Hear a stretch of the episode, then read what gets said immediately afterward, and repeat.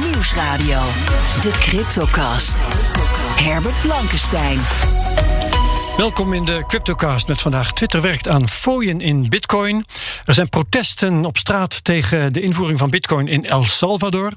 En rente op Bitcoin, ja, dat is leuk voor jou, maar uh, wie help je er eigenlijk mee? Misschien wel iemand die je niet wilt helpen. Deze aflevering van de Cryptocast is eerder opgenomen, dus als het gaat om dagkoersen, dan uh, moet je zelf even checken, bijvoorbeeld op CoinMarketCap of CoinGecko, of het allemaal nog wel klopt wat wij zeggen. Misschien is er intussen iets veranderd en dat is natuurlijk heel waarschijnlijk, want de koersen gaan snel. Um, wij zijn nu op de zender bij BNR. We gaan een klein half uur door en daarna gaan we verder als podcast. En met wie doe ik dat? Dat doe ik met mijn gast Martijn Wismeijer van General Bytes. Hartelijk welkom. Goedemiddag Herbert. Dat is de maker van Crypto Geldautomaten. En mijn co-host vandaag is Krijn Soeterman, journalist en auteur van Cryptovaluta voor Dummies. Goedemiddag. Hartelijk welkom Krijn. En ik heb een disclaimer. Wij geven hier geen beleggingsadvies. Um, we gaan het hebben over nieuwtjes. En het eerste nieuwtje waar we het over moeten gaan hebben is uh, dat Twitter mogelijk start met bitcoin betalingen. En die krijgen dan uh, vooral de vorm van uh, bitcoin acceptatie in de fooienpot. De tipjar van Twitter blijkt uit een gelekte screenshot. Gebruikers kunnen elkaar dan een fooi sturen via het Lightning Network. Jack Dorsey hint al langer dat ze dat zouden gaan doen. En nu is ook uit gelekte code gebleken dat dat een samenwerking wordt met Strike van die andere Jack, Jack Mallers.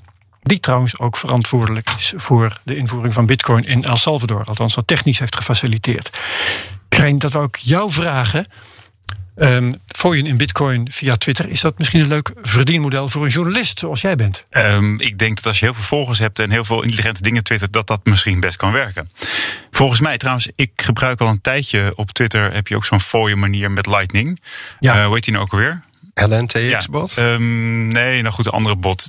Ik, ik weet even niet meer precies hoe die heet. Maar okay, er zijn meer, er zijn meer al fooie dingen. Het zijn ook ja. plugins. Dat zeg maar, dan kun je, als je dat in je eigen browser draait, dan kun je fooie geven via Lightning. Maar het is natuurlijk nog mooier als Twitter het zelf integreert. En ja, ja ik ga ervan uit dat dat dan ook de eerste toepassing wordt waarbij um, Lightning echt daadwerkelijk heel veel gebruikers zou kunnen krijgen.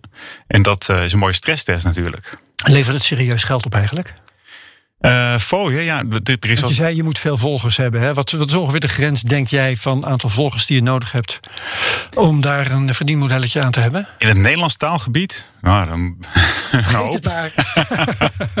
Weet je, ik denk dat het leuk is voor de bij. En ik, ik hoor ook ja. wel mensen die zeg maar die fooien gebruiken via, um, via, de, via die value tag in uh, podcasts.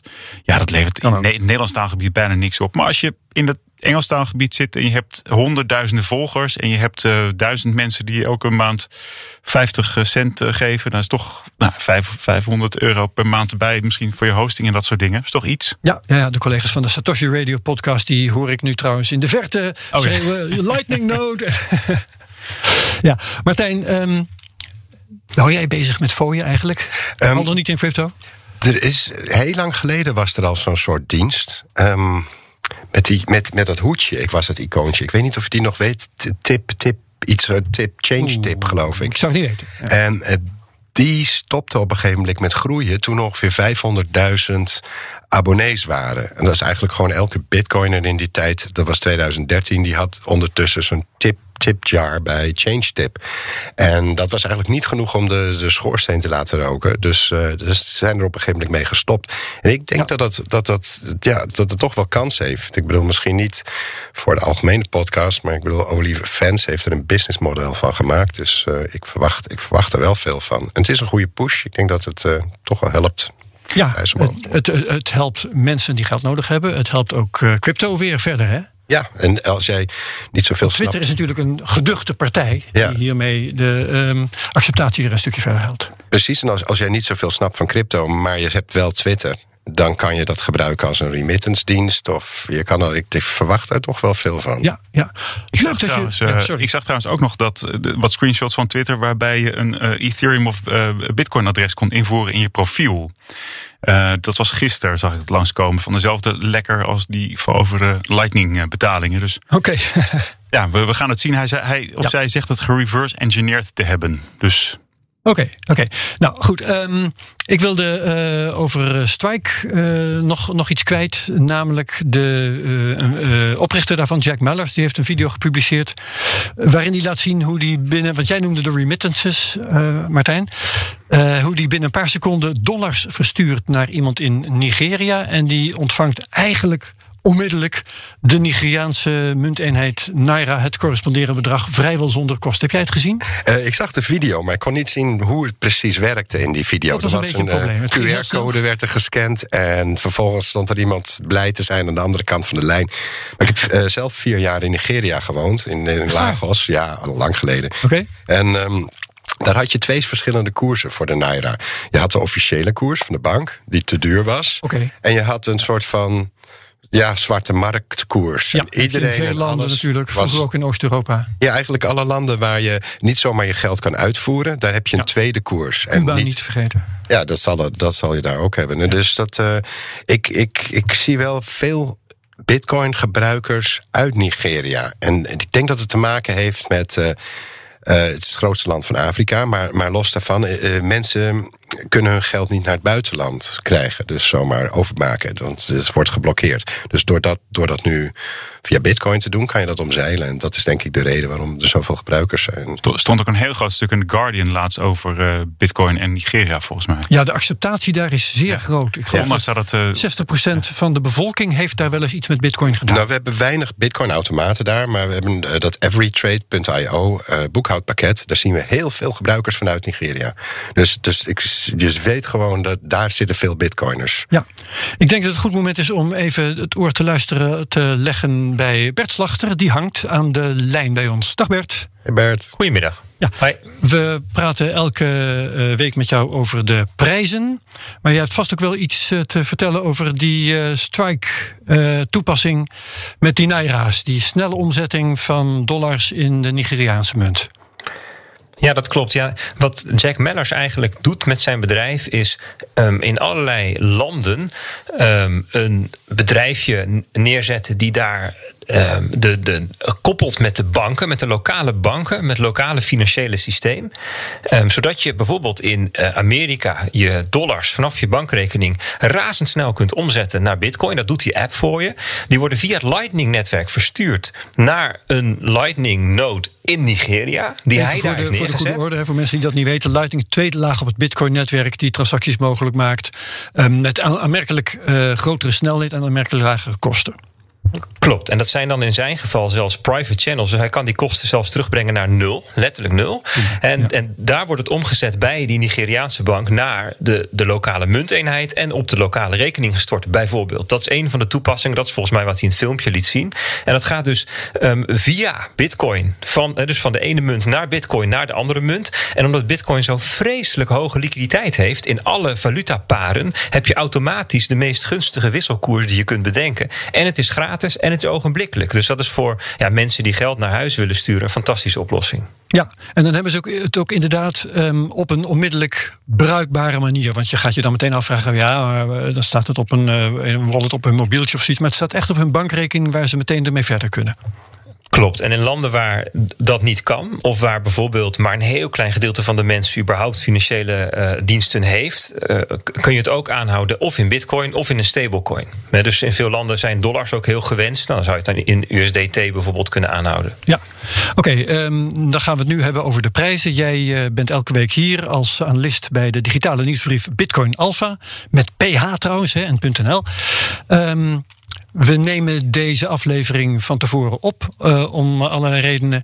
Maar uh, wat kun je op dit moment, het is nu vrijdag, uh, zeggen over de prijsontwikkeling van bijvoorbeeld Bitcoin en Ether? Ja, de, de stemming op de markt is opperbest. Het is echt een uh, groot feest. Um, de Bitcoin-koers is al twee weken vrij stabiel, iets onder de 50.000 dollar. En dat op zichzelf is voor veel mensen al aanleiding om vrolijk te zijn. Hè, want die koers die was nog maar best kort geleden, eind juli, rond de 30.000. En ja, de stemming was toen toch wat um, depressief aan het worden. Hè. Zal het nog lager gaan? Ja. En die prijs is dus al een paar weken vrij stabiel. En historisch gezien is een periode van lage volatiliteit een voorbode van een wekenlange periode van stijging of daling daarna. Alsof je een ballon onder water houdt en hem dan loslaat. En ehm, terwijl die bitcoin nu zijwaarts beweegt, gaan andere uh, cryptovaluta er vandoor. En, en Ethereum, je noemde het net al echt opvallend, in een paar dagen tijd gestegen van 3100 dollar naar 4000 dollar. Dus dat is echt fors. Ja, ja. Um, bijna 30 procent. Wat zou de oorzaak daarvan zijn? Ja, dat is een goede vraag. Er worden, we kunnen zien in de on-chain analyse dat, dat er best grote hoeveelheden ether van exchanges afgehaald worden. Het lijkt erop dat nieuwe investeerders instappen, kopen en dat vervolgens ja, naar hun uh, eigen wallet verplaatsen of, of het gaan steken. Hè, dat kan bij Ethereum. Um, we zien ook bijvoorbeeld Raoul Paul, dat is um, een macro-econoom, uh, oprichter van Real Vision. Dat is een soort van YouTube voor macro-economie. Die is heel positief erover, spreekt er veel over. Ja, misschien toch wat invloed. Ja, en um, mogelijk ook de, de, de koppeling met de hype die er nu is in uh, NFT's. Ja, en de non-fungible tokens, de um, gewaarmerkte kopieën van van alles en nog wat. Ja, en, en, en, en dat was in het begin van het jaar. Hè, had je ook allerlei digitale kunst en uh, allerlei sportmerken die er iets mee deden. Hè, die die uh, basketbalfilmpjes en zo. Nu is het vooral collectibles. Dus het zijn eigenlijk een soort van, uh, nou je zou kunnen zeggen, digitale flippo's. en dus het is heel bijzonder dat daar nu zo ontzettend veel in ge, gehandeld en gespeculeerd wordt. Je krijgt nu de vorm van, van pinguïns en, en walvissen en dat soort dingetjes. Een beetje, ja, inderdaad, kaartjes, ja, ja, en kaartjes sparen. Je krijgt allerlei allerlei collecties. En de, een van de oudste collecties, dat zijn de punks, de crypto punks. En ja, dat zouden dus vanwege de historie misschien op lange termijn ook nog wel waarde kunnen houden. Maar heel veel andere van die collecties zullen uiteindelijk waarschijnlijk gewoon naar nul gaan. Dus er zit wel ja, een stukje hype en, en manie in op dit moment. Maar ja, weet je, het, het gebeurt wel voor een groot gedeelte ook op het Ethereum-platform. En het zou maar goed kunnen dat daardoor ook uh, Ether, de munt, uh, daarvan profiteert. Overigens ook andere smart contract platforms zoals Solana, die doen het erg goed nu qua koers. Ja. Dus ja, blijkbaar volgen investeerders dat ook en uh, stappen daarop in. Ja. Um, ja, nog een prognose voor de komende tijd. Als ik jou goed hoor, zitten we bij Bitcoin, juist doordat die plat gaat, um, aan de vooravond van een hoos. En hoe zit het dan met die andere, die smart contract platforms? Gaat dat nog een tijdje door, denk je? Wat is jouw idee? Ja, dat is, dat is zeker op lange termijn moeilijk te zeggen. Hè. Daar zit veel meer speculatie in. Ja. Bij Bitcoin is het echt een, um, um, een stevige koppeling ook met de toename van het aantal gebruikers. En, um, dat is, en bij Ethereum zie je dat ook wel. Maar bij die andere smart contract platforms is het vooral speculatie op mogelijk toekomstig gebruik. Uh, dus ja, ik, voor de komende weken zou ik zeker Bitcoin in de gaten houden. juist omdat hij nu zijwaarts gaat, kunnen allerlei andere munten uh, het, het goed doen. Maar als Bitcoin gaat bewegen ja, dan zal, uh, uh, zal die de leiding nemen, zal ik maar zeggen. Ja. Oké, hartelijk dank voor je inlichtingen. Eh, Bert Slachter, analist bij de digitale nieuwsbrief Bitcoin Alpha. Uh, gaan wij hier in de studio verder met het bespreken van uh, nieuws. En um, ja, uh, El Salvador is al een paar keer ter sprake gekomen. Maar goed, de, die Bitcoin-wet waar crypto-enthousiasten zo blij om zijn, die op 7 september in werking treedt, die leidt ook tot protesten. Er was een protest in de hoofdstad, San Salvador, gingen zo'n 150 mensen de straat op. Dat is natuurlijk niet echt veel. Nee, foto's van bovenop uh, leken wat weinig. Ja. ja, er waren foto's gemaakt inderdaad van straatniveau. En dan leek het nog wat. En er was een foto gemaakt met een drone of vanuit een hoog gebouw. Martijn zit te glimmen. Ja, ja, dat, blijkbaar heel erg grappig. Dat is echt een random mob. Was um, Het uh, ministerie van Financiën heeft zelfs ontkend dat er een protest is geweest. Wat is jouw interpretatie ervan, Martijn? Vertel eens. Um, nou, degene die de protesten uh, organiseerde. Die was ook... Aaron van Wirdum, uh, Nederlandse bitcoinjournalist, ja. de beste bitcoinjournalist uh, ter wereld, zeggen sommigen. Die heeft hier verslag van gedaan vanuit El Salvador. Dus ja. laten we wel aannemen dat het waar is. Ja, ja, hij heeft de post. Ik volg, volg Aaron ook met al zijn post op Twitter. Want hij krijgt een goed overzicht van wat er gebeurt op dit moment. En ja. hij organiseert ook meetups. En hij was toen bij, die, bij, bij de Bitcoin Beach was hij naartoe geweest. En af en toe wat foto's. Dus ik denk dat, dat als je dat wil volgen, is, is Aaron van Wirdum is echt de beste. En volgende maand is hij ook hier. Dus dan oh, nou, geweldig, geweldig. Dus maar dat, nu jouw... Uh... Uh, ja, die protesten... Ze hebben dan nu weer de, de. Hij is ondertussen alweer vrijgelaten. Maar degene die de protesten organiseerde. die was dan ook opgepakt. Dus dat geeft aan wat voor soort land het eigenlijk nog steeds is. Hè. Een autoritair geregeerd. Ja, ja, dus ja. dat. Uh, um, ja, zelf denk ik. Als je mensen vraagt of ze voor of tegen iets zijn. en ze hebben niet goed het idee waar ze dan voor of tegen zijn. Dan zijn ze per definitie tegen. Dus dat is ook hoe ze Brexit door hebben gekregen. Veranderen dingen, dat is eng. Ja, en dus, dus ik denk dat er daar ruimte is voor, voor gewoon een goede educatieve video's op televisie en zo. Maar was er ook niet zeg maar een beetje dat men vooral tegen is, vooral hoe dingen gegaan zijn en hoe dingen gaan? Qua niet per se tegen Bitcoin, maar vooral tegen de manier hoe. En bijvoorbeeld er is. Uh, Door het te verplichten. Ja, ja en ook zeg maar ook nou, de manier van uh, ja. parlementen stormen met van allerlei uh, gewapende mensen en al mensen oppakken. Verzint al maar allemaal dingen die gewoon toch niet door de beugel kunnen. Nee. Voor, voor de goede orde, um, Bitcoin gebruiken wordt niet verplicht. Het wordt alleen verplicht voor zaken, voor bedrijven om het te accepteren. Hè? Ja. ja. Maar goed, um, Krijn zijn opmerking, jouw reactie daarop. Ja, ik, ik, ja, het is een autoritair regime. Het is niet echt zoiets zoals wij dat kennen. Dus ja, hmm. eh, ik, ik weet niet. Dat hele uh, verplichten is ook een beetje tegen de spirit van Bitcoin. Moet ja. helemaal niets verplicht worden, juist. Dus zelf uh, zie ik het liever dat het. Uh, ja, nou ja, ik, ik, kan er wel wat in zien. Dat ze zeggen, bedrijven moeten dat wel accepteren als het wordt, wordt aangeboden. Dat geeft juist aan de consument veel meer vrijheid. Ja, en ze kunnen direct omzetten naar dollars. Dus, dus eigenlijk is er eigenlijk helemaal niks engs aan. Nee. nee. Ik wou het wat dit onderwerp betreft hierbij laten. Want ik vind het leuk om nog te hebben over uh, één ander dingetje dat ik heb staan. En dat is namelijk dat uh, president Trump zich heeft uitgesproken over crypto. Het werd hem uh, expliciet gevraagd in een uitzending van Fox. En dat ging zo. Do you ever dabble in bitcoin or cryptos? I don't. I like the currency of the United States. I think it's, you know, I think the others are potentially a disaster waiting to happen. I don't know. I don't. Uh, I, I feel that it hurts the United States currency. I think we should strengthen. We should be invested in our currency, not in uh, they may be fake. Who knows what they are? Will but they certainly us, um... are currencies. They certainly are something that people don't know very much about. No, I have not been. Okay. I have not been uh, a big fan. Nou, uh, Krijn, ik zag jou ook al grimassen trekken. Wat, wat zeg jij ervan? Ja, ik, mijn eerste reactie is eigenlijk: eh, waarom laten we Trump nog horen. Dat is maar is, is, hij niet, is hij, jij zei president, is niet oud-president? Oud-president, neem me niet kwalijk, ja, natuurlijk.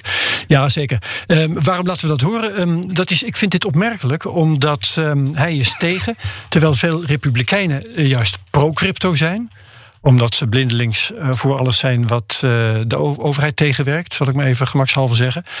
En ik uh, wou het er ook met jullie even over hebben, omdat ik zelf in, in, dit geval in, in dubio sta. Want ik vind namelijk dat de Republikeinen in de meeste opzichten verachtelijke dingen voorstaan. En in dit opzicht vind ik ze opeens de good guys. En dat vind ik zo lastig. Ja. Martijn. Fox, ja, daar heb ik al mijn vraagtekens bij. En dan als zo'n zo, zo Trump, ik, ik kan dat gewoon, ik kan dat gewoon, ik kan die man zijn stem niet meer horen. Dus, dus ik, ik, weet je dat wij van de dollar vinden de dollar beter. Dat is hetzelfde als het. Uh, Centraal Planbureau die vindt dat de decentrale cryptocurrency verboden moet worden. Ja. Hij, hij, zegt ook, het is iets waar veel mensen weinig van weten. En uh, dan ben ik meteen maar, maar zeggen, jij maar, voorop. Hij, hij, zegt ook een aantal keer, no, I don't know, en no, no, no. Dus, dus dat is, ja, dat zegt eigenlijk al, geeft al... maar op zich, er zit natuurlijk een, een, een deel van de Republikeinen, tenminste mensen die het in ieder geval uh, die kan sponsoren, die, die, die zitten natuurlijk ook vaak wel een beetje tegen libertarisme aan. En een, en een deel van de oude Bitcoin-gemeenschap zeker hangt best wel een beetje tegen aan die libertarische kant. Dus ja, klopt. Bijvoorbeeld Pieter Thiel en al dat soort mensen. Ja, dat zit natuurlijk toch misschien toch vandaar. En dan mensen volgen dat graag. En wat je net zei, van als het democraten aanzeggen, dan zeggen de republikeinen per definitie B. Maar ik geloof dat er ook best wel wat democraten zijn die niet per se heel erg tegen zijn. Wat ik, ik uh, heb als standaard voorbeelden Elizabeth Warren, die ik verder hoog acht, die zat op de lijn van het is allemaal criminaliteit en witwassen. En Paul Krugman, die ik ook hoog acht, hoogleraar economie, Nobelprijswinnaar, die zit op de lijn van het heeft geen intrinsieke waarde, het is een piramidespel. Die Elizabeth, was dat degene die vond het ook milieuonvriendelijk, terwijl ze zelf voor elke vergadering een privéjet boekt, toch? Oh, dat, dat zou zomaar kunnen. Ja, dat, was, dat van die privéjet, dat durf ik niet te druipt er vanaf, wat ja. dat betreft. Laten we dit dan afronden en het gaan hebben uh, over het vervolg van uh, dit programma straks in de vorm van een podcast. Uh, we gaan het hebben, Martijn, over rente op bitcoins. En dat is een merkwaardig onderwerp, want bitcoins zijn dingen die je hebt of niet hebt. Um, het, bitcoin zet zich af tegen fiat geld, rente op bitcoins. Hoezo dan? Wie geeft dat en waarom? Um, ja, het is, het is iets van de laatste, nou niet de laatste jaren. Het staat al vrij lang. Maar je kan dus je bitcoins uitlenen. Ik bedoel, dan zijn het niet meer jouw bitcoins, weliswaar. Maar iemand anders heeft dan jouw bitcoins en die kan ze gebruiken. Dus die kan ermee gaan shorten. Dus dat werkt uiteindelijk tegen je. Maar daarvoor over, meer over de podcast. Nou, dat shorten, daar gaan we zeker uh, straks meer over. Um, maar ik wil er meer over weten van jou. Want die rente, uh, die is op dit moment. We gaan straks ook uitgebreid over de tarieven mm -hmm. hebben. Heel interessant, verschilt ook per coin en zo. maar een interessant voorbeeld is 4% op jaarbasis op bitcoins. Dat is wat je wel hier en daar kan krijgen. Um, terwijl bitcoin afgerond in het afgelopen decennium uh, verdubbeld op jaarbasis. Dat is ja. 100% op jaarbasis. Uh, Wat moet je met 4%? Uh, die, ja, de, mensen die staren zich blind op een klein beetje rente. Ja. En nu is 4% vergeleken met de bank natuurlijk wel veel. Maar je, je hebt sommige plekken waar je wel 8,5% rente op je bitcoins kan krijgen. Um, alleen ja, als je kijkt nu, bitcoin, vanaf begin van het jaar tot nu zitten we 63% plus. Dus ja. Je kan of besluiten die 63% daar tevreden mee te zijn en zelf totale controle te hebben en geen, geen risico te lopen. Of je loopt heel veel risico om er nog een paar procent bij te pakken. Dus. Ja. Uh, hmm. Ja, en er zijn ook wel plekken waar je dan met wrap bitcoins uh, 40, 60, weet ik hoeveel procent kunt krijgen. Maar goed, uh, volgens mij is het uh, hoe meer procent, hoe linker de investering. Ja. En, ja, dat denk ik ook. Ben jij geïnteresseerd in rente op bitcoins, Krijn? Ik, heb het, ja, ik ben het net als zoals velen gaan proberen, maar ja, en liever niet kwijtraken. Dat is, vind ik belangrijker. Daarmee zeg je dus dat je liever niet het risico neemt van je uh, coins uit handen geven. Ja. Met de kans dat je het kwijtraakt voor uh, dat kleine percentage dat je dat nog oplevert. Ja. Zeker zeg maar omdat regels onduidelijk zijn. En als het weer een Amerikaans bedrijf is. En hoe zit het dan daar met de regels? En, enzovoort enzovoort. Ja, ik vind het toch lastig hoor. Ja. Gevaarlijk. Ik vind het gevaarlijk. En dat is nog beter woord. Ik ben zelf ben ik ook uh, gevallen voor die paar procent rente. Want ja, meer is beter. Ja. Maar als je het allemaal na gaat rekenen en je probeert wat te kijken naar, naar, naar de bedrijven daarachter, dan, dan kom je er eigenlijk achter dat dat gewoon niet te vertrouwen is. Nee. Dus we hebben het zo direct over okay. BlockFi, ja. Celsius. Ja, ik wou zeggen, noem eens een paar namen. BlockFi, uh, Celsius. BlockFi, Celsius, Crypto.com. Nexo uh, heb je ook Nexo, nog? die hebben dan ook inderdaad. En dat zijn de, dat zijn de vier grootste. Er zijn er ook nog veel van die DeFi-platformen waar Krijn het net over had. Dat Met je dus, de astronomische percentages. Ja, en dan heb je ook niet eens meer echt bitcoin, maar dus bitcoin verpakt in iets anders. Dat is ingewikkeld. Het is nog wel bitcoin, maar het is eigenlijk geen bitcoin meer. Dus dat is dan weer extra risico's. En je krijgt er dan uh, vaak Tether of een andere stablecoin uit. Dus nou, dan of je krijgt cake, of je krijgt sushi, ja. of je krijgt weet ik wat. Het is dat echt, je krijgt de opbrengst in een andere vorm dan stom eenvoudige bitcoins. Precies, dus dat, uh, daar blijf ik zelf ver vanaf. Want ik, uh, ja, ik zie regelmatig dat er dan een exploit is, een zogenaamde flash, flash loan. Dus dat je dan binnen hetzelfde blok een lening maakt en dan ook weer terugbetaalt. En daar valt vaak mee te rotzooi als een smartcontract okay. niet veilig zit. Dus. Maar echte verhalen over uh, dit soort platforms die kapot gaan,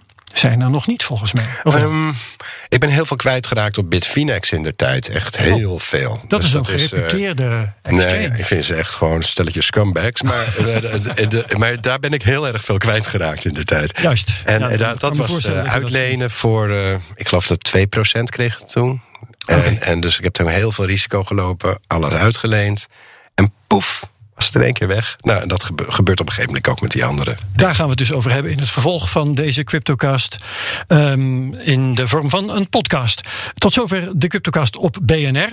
Uh, alvast dank aan mijn gast Martijn Wismeijer, die zo net te horen was. Dank ook aan co-host Krijn Soeterman, journalist. Uh, we zetten het gesprek voort in de podcast. En het gaat dus vooral over de verschillende cryptobedrijven waar je rente krijgt op crypto. Hoe makkelijk, hoeveel, hoe weinig en hoe riskant is dat? Wie meegaat, tot straks. Wie afhaakt, bedankt. En graag tot de volgende week bij de Cryptocast op BNR.